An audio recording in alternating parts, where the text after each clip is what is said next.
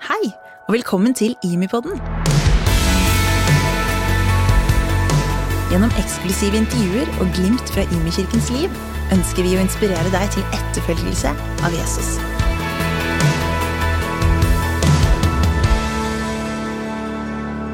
Hei og velkommen til aller, aller første utgave av IMI-podden. Her i IMI så er vi kjempeglad for å kunne ha relasjon med masse forskjellige mennesker. En ting er de som hører til i menigheten her i Stavanger, men så er det folk som har gått på skole her, som har vært på konferanser, følger med på podkaster fra søndagstalene, er med i Agenda 1, eller på andre måter vi får være venner med og kjenne. Og denne podkasten er egentlig bare tenkt å være et sånt kontaktpunkt med alle dere, hvor vi kan få dele litt av det vi opplever og står i her i IMI. kommer til å være sånn at uh, Hver episode så har vi gjort et intervju med en av våre gjester som vi får ha besøk her på huset. Vi vil dele vitnesbyrd om ting Gud gjør, og vi vil fortelle litt om ting som skjer ut ifra IMI-kirka. Akkurat nå så sitter jeg her med Øystein Øvergård. Han er lovsangspastor i IMI. Øystein, uh, Sola skinner, og det har akkurat vært vinterferie. Har du hatt ferie? Det har jeg, vet du. Eh, noen få dager i hvert fall.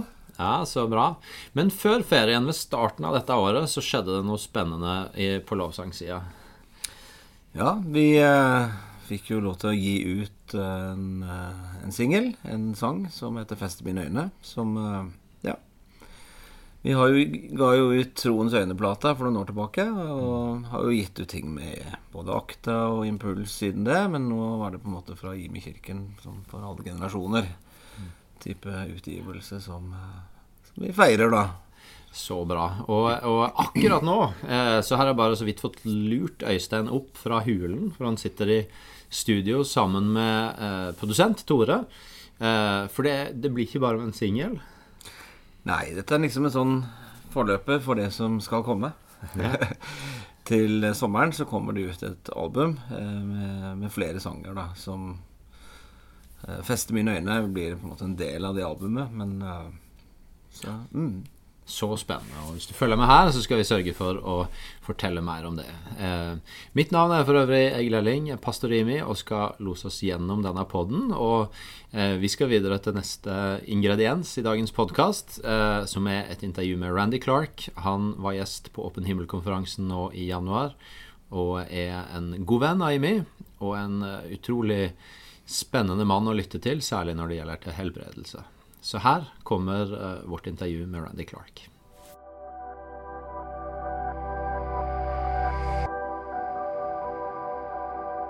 So, uh, sitting here with uh, Randy Clark, it's the end of a, uh, long weekend. Uh, honor to have you here, Randy. Third time around. Um, let's jump right into our uh, little conversation. Um, you've been traveling, no, you've been in ministry for 47 years, and many of those years you've spent traveling the world equipping. 23. 23 years you've been traveling the world and equipping the church to pray for sick and see God heal people. And I just wonder how how did that happen? How of the many things you could have focused on, how did it become this thing of topic of healing and this life of equipping people to pray for the sick? Well, the interest in healing started when I was a little boy, and my grandmother told me her story of being healed Mm. miraculously. Huge, big miracle. I heard the audible voice of God, and the growth in her throat just disappeared. That was the that was the first interest. Hmm. Uh, but the church I grew up in didn't have healing services or didn't. Once they believed that they could pray, intercede, and ask God to heal, and they might Hmm. but they didn't believe any gifts of healing. They were kind of um, quasi cessationist. Mhm. Um, but then at 18, um, I was almost killed in a car accident, Hmm. and I had many injuries, and uh, all of them were healed. Hmm. Paralysis, my digestive system, severe compression of and really bad pain in my back. I was taking 50 milligram of Demerol, like morphine, Hmm. every three hours, shots for the pain. Jaw was going to have to be set, and the guy came in and set it. It was already it set itself, Hmm. and uh, uh, my stomach was being pumped because my intestines weren't working, and the church prayed for me, and the next day it was. Hmm. So and then the next day, all the pain left, Hmm. and um, um, so I was healed. I know I was healed. Gave me an interest in healing, but I didn't know what to do with it, and didn't see. In, there was nobody ever had a ministry of healing in the denom- denomination I was in. Uh, so, uh, in my early 30s, I began. I'm, I'm out of seminary now. I got graduated seminary at uh, master's, uh, at 25 years old. Hmm. So I'm, I've been out of seminary for about five years, and I, I still have this interest in healing. Hmm. So I start reading everything I can find, and most of it I don't like. Most of the exposures I had to models of healing and theologies of healing, I didn't like. Um, I, I, they, they, they, they were problematic to me. They, to me, they put the burden on the people, or they gilded the people, or they made the people feel worse, or I, there was things, or the people were braggadocious that was doing it, Mm. or it is extremely emotional and almost like revving up people's emotions. Maybe then they could be healed. Hmm. So I was looking for something different than that, and um, and and- I so I preached a series of sermons on healing, Hmm. and a woman faked a healing, and I didn't catch it. Hmm. She just needed attention, and she wasn't honest. It was a fake healing that that she said, "You prayed for me, and I was healed." And then later, it happened again. It's the same woman, Hmm. and this time I f- discovered that she's faking, and I felt so embarrassed that I had been part of something fraudulent in the sense of I'd declared in front of the whole church, you know, she's healed because she told me she was, Hmm. but she wasn't even didn't even have that problem to start with. It's fake, Hmm. and I was so embarrassed. I would not preach on healing for almost two years. I just wouldn't go near it, wouldn't touch it. I felt I am who I mean, I I really messed up and I couldn't discern, you know, this. And then uh, I had uh, a service where another guy from my college I went to, who was in the ministry, he was preaching on a woman with the issue of blood, and he was spiritualizing it, giving it an giving it an implication or an application had nothing to do with healing, which I'd done many times myself, which a lot of people do. And I, and as he's doing that, I, I don't hear an audible voice, but it is so clear. It's a strong impression, and it started by like this is not a really good sermon, and it's not he's anointed either. Hmm. It's totally a sovereign thing God did. I start weeping. Hmm. Now I'm not crying like boohooing, but the tears are just gushing out of my eyes, Hmm. and I and it caught me by surprise because I have no explanation. Why am I? Why is this happening to me? Hmm. And I actually asked God, "What are you doing?" And I had three things. I want you to have a conference in this church. It is a Baptist church. I want you to do a conference on healing Hmm. that I still heal today. And I want you to preach differently. More of my words and less of yours. No more three points in a poem stuff. Hmm. And I want you to, to uh, uh, teach that I still heal today.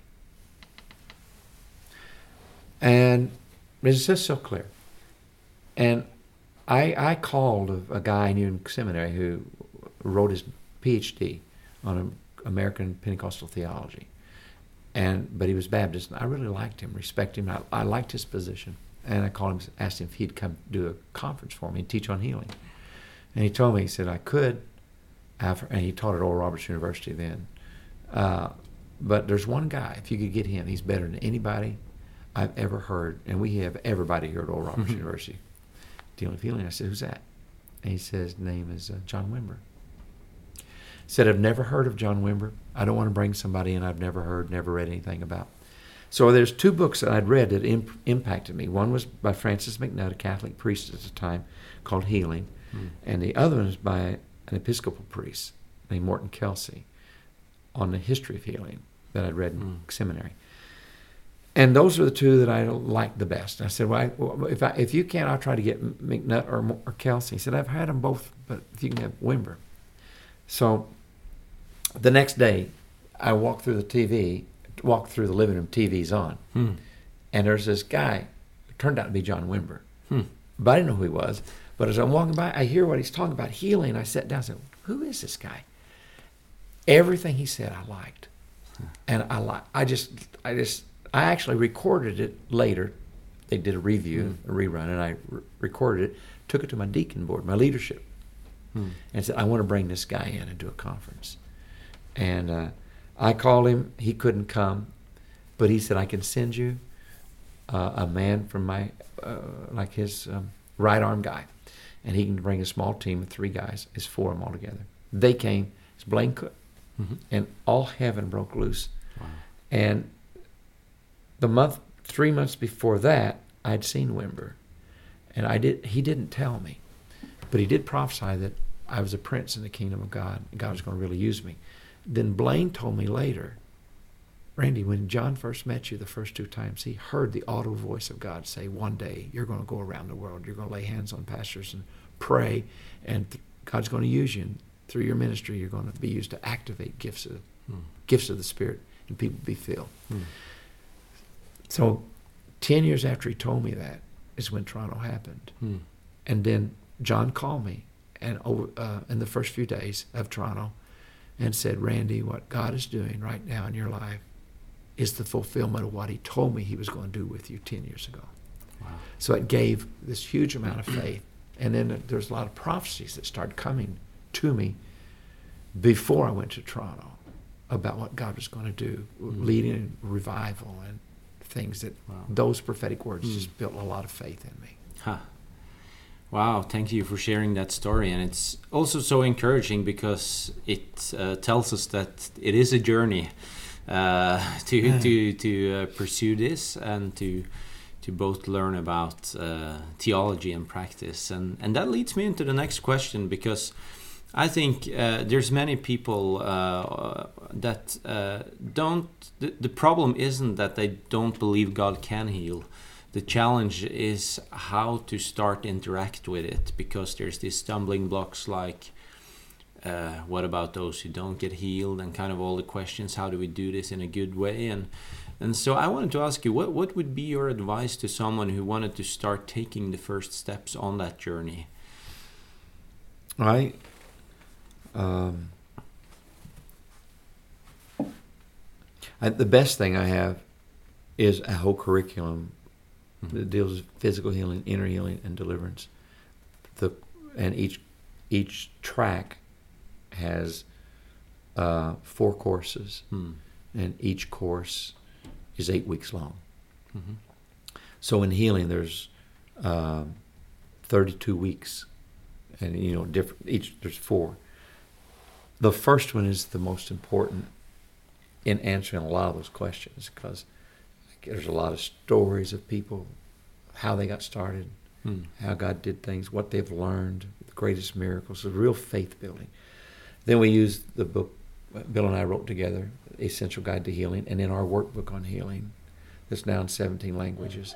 That's the best thing. It's a little more expensive. Um, a second good thing, but not the best, would be to take the, the second thing would be to take the the book and the curriculum that goes with it called Power to Heal. Mhm.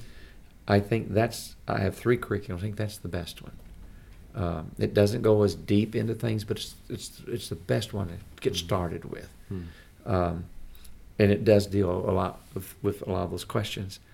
Uh, another thing would be if you don't want to do a, a curriculum, just you know read that book first. Hmm. I would out of my stuff that I've written, I would read Power to Heal first, and then one of the most important books I've written for a pastor that wants to understand well, how do I build faith and what do I need to see. Hmm. Uh, it's, it's the book Healing Breakthrough Hmm. because I wrote that to try and unpack how, what's going on in my head when I'm ministering healing and why do I do what I do. Hmm. It's, it's, it's one thing to try to mimic it.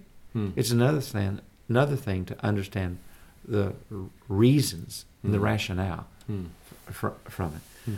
Uh, and then, of course, one of the best things is we we have healing schools that's four days long that people could go to. That's we deal with you know why some people you know, thrill of victory, agony, defeat. Deals with why why people aren't healed. Um, you know, deals with how we get words of knowledge, how we pray for the sick, and, and it's very, very practical. It's, and we have that school, and then we have another school that goes deeper, uh, but that's the foundation. It's called Foundations. Uh, but as Bill says, and people ask him that, how do you get started? He said the best thing is go with Randy, Hmm. Yeah. to particularly to Brazil. Hmm. Asia is also good, Hmm. but I go to Brazil much more than I do Asia. Yeah. So the frequency and Yeah. opportunity of doing it was much more. Mhm. So those would be very practical things. Um, for me, I, I, my faith is built strong by testimonies. Hmm. So um, just reading, I, I read everything I could on healing Hmm. from the all the different camps, Hmm. from the Catholic Church to the Pentecostals to the Word of Faith to everything in between, and particularly Hmm. for me, it was uh, Wimber's books were very helpful, as well as MacNutt's were Hmm. probably the two most influential. Uh, and then being mentored, Yeah. I learned a lot from Omar Cabrera.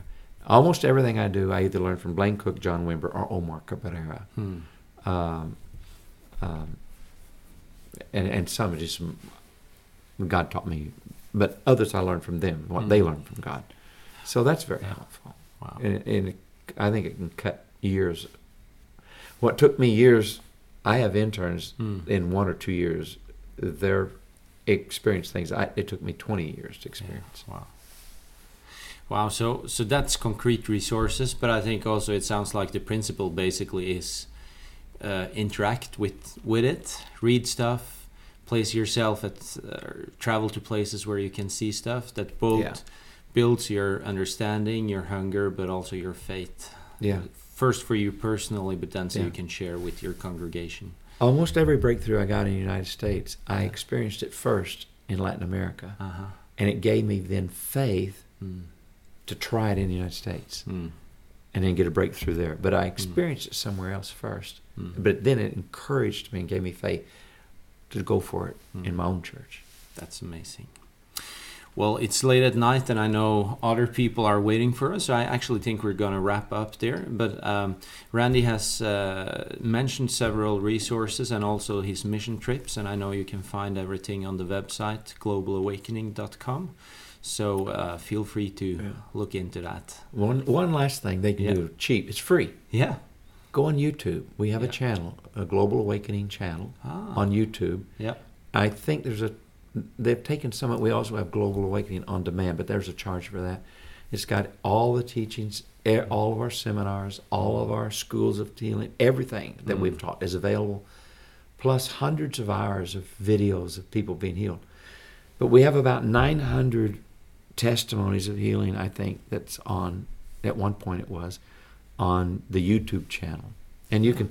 And uh, for example, if you really want to grow in one area, you could put a search in for that, like Mm. metal healings or Okay. cancer, or and it will. I think it pulls them up. I think. That's great. So that's globalawakening.com and YouTube and find Global Awakening's YouTube channel.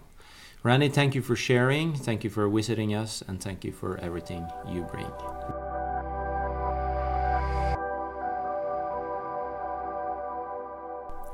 Det var Randy Clark som eh, fortalte om eh, sine erfaringer med helbredelse. Nå sitter jeg her med Hanne Therese Loftesnes. God venn som eh, i sin tid var med å starte Helbredelsesrommet her i menigheten, og som nå leder en av våre nye skoler, Akta helbredelsesskole. Hanne Therese, du har brukt mye engasjement på dette med helbredelse. Hvorfor det? Eh, Jeg tror utgangspunktet mitt var at jeg plutselig, kanskje etter 20 år, oppdaget at dette her er utrolig viktig for Jesus. Og når jeg ser hvor viktig det var for Jesus, tenker jeg dette er ikke så viktig for meg i min hverdag. Her er det noe som er kanskje litt rart. Og så brukte jeg mye tid på å lese på det, både fra evangeliene og rundt forbi folk som hadde skrevet om det. Og så tror jeg bare jeg landa på at dette har med Guds bilde å gjøre. At jeg tror på en Gud som er vanvittig god og bryr seg om hele mennesket, og det som har med sykdom å gjøre. Så spennende. Jeg har lyst til å bare spørre deg der, fordi at Noen tenker kanskje at det er mer sånn at du oppdager at 'oi, jeg har en gave til helbredelse', eller noe sånt. Men du oppdaga kanskje mer at det var noe du mangla, Mm. og så gikk du etter det. Bare si, si litt om, om eh, åssen den reisen har vært. Eh, Åssen har det opplevdes? Ja, og utfordrende er kanskje utgangspunktet, for jeg er nok en som liker teori eh, sterkt. Ja. og utfordres mer av praksis. Så det å eh, begynne å øve seg på noe og, og sette seg selv i posisjon hvor en Når en holder på med helbredelse, så kan du ikke bestemme hva som skjer, eller du, det er litt ut forbi din egen kontroll. Så det eh, å sette seg i en posisjon da, der en er helt avhengig av at Gud gjør noe for at noe skal skje. Mm. Kanskje er det noe av utfordringa vår som kirke og kristne, at uh, vi må tørre å plassere oss i de situasjonene hvor vi ikke kontrollerer. Ja. Eh, Akta helbredelsesskole, hva er det for noe? Ja, Det er jo kanskje nettopp essensen av dette. Et sted hvor du får eh, opplæring til hvordan du kan være trygg i å be for syke. Hvordan du kan be for syke på en måte sånn at de som får forbønn, er trygge. Eh, hvordan du får frimodighet til å gjøre det. Hvor du har, hva er det bibelske grunnlaget for det? Hva er det kirkehistoriske materialet for dette? At du virkelig får masse masse kjøtt på beina til hvorfor i alle dager vi skal gjøre dette her. Og masse praksis. Ja. Veldig bra. Hvordan ser den praksisen ut? Praksisen er jo, For det første er jo IMI en menighet hvor det skjer mye på dette. her, Så det vil være viktig å være en del av helbredelsesrommet, være ute på gata og be for syke, være en del av gudstjenesten og forbønnssettingen der. Eh, og så vil det òg være viktig med en, vi har en tre ukers studietur som i år blir til Cuba, hvor en får masse erfaring på dette her. Så det er, blir utfordrende, utfordrende praksis, men i veldig trygge rammer med gode ledere. Og så bare En litt sånn praktisk eh, ting som noen lurer på. Må, eh, må en helst være sånn 19-20 år for å gå på akta? Nei, absolutt ikke. Her er absolutt alle veldig, veldig veldig velkomne. Så hvis du lurer litt på det som har med helbredelse å gjøre, eller tenker at dette mangler kanskje litt i mitt liv, eller dette vil jeg vokse i, så er dette stedet for deg. Eh, mot slutten, eh, når denne skolen ble godkjent eh, i fjor sommer, så, så gikk det an å lese litt om dette her i aviser. Litt, litt forskjellige meninger som var ute og gikk. Et av spørsmålene som kom, det var Men kan en gå på skole og lære helbredelse? Og det er klart at selve helbredelsen den ligger jo alltid hos Gud, så du lærer jo ikke hvordan du skal trylle folk friske, men du lærer veldig gode rammer for hvordan du faktisk gjør dette. Hvordan gjør du hva hvordan, eh, hvordan blir du for syke? Og det kan du lære enormt mye om. Jeg tror det er kjempeviktig at vi har undervisning om det, sånn at det ikke bare blir fullstendig på gefühlen hvordan disse tingene ser ut. Så bevarer du både de som ber, og de som får forbønn. Så bra. Eh, anbefaler jeg virkelig å sjekke ut den skolen og eh, søke seg inn til vårt aller første skoleår fra høsten av. Det var han Therese. Nå eh, skal vi gå videre og få høre et vitnesbyrd om hvordan en helbredelse kan forvandle en hel familie. Dere skal få møte en av årets AKTA-studenter.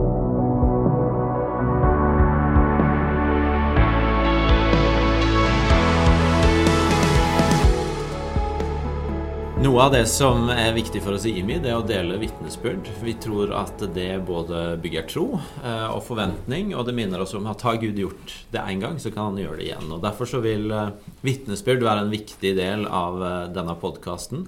Vi ønsker hver gang å dele minst. Det er en historie om noe Gud gjør. Og Akkurat nå så sitter jeg her med Silje Marlen, som går på Akta bibelskole i år.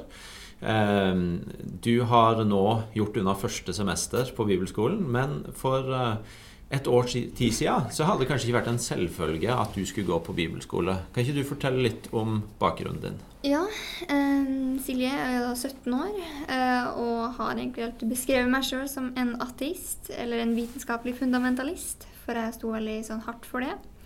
Så jeg er oppvokst med en mamma som har vært psykisk syk og slet fysisk med en sykdom som heter for fibromyalgi. Så jeg hadde egentlig bestemt meg veldig tidlig for at det ikke fantes noe Gud, fordi jeg husker overgangen til at alt var bra, og det var glede, og det var en skikkelig mamma i huset, til at liksom hun hadde anfall, måtte på medisin, det kom på ambulanse. Og jeg var ganske ung, så jeg visste ikke om hun kom til å dø eller ikke. Eh, og hele familien falt jo egentlig sammen. Eh, pappa ble veldig veldig sint. Eh, broren min falt til sitt og ble en veldig aggressiv gutt.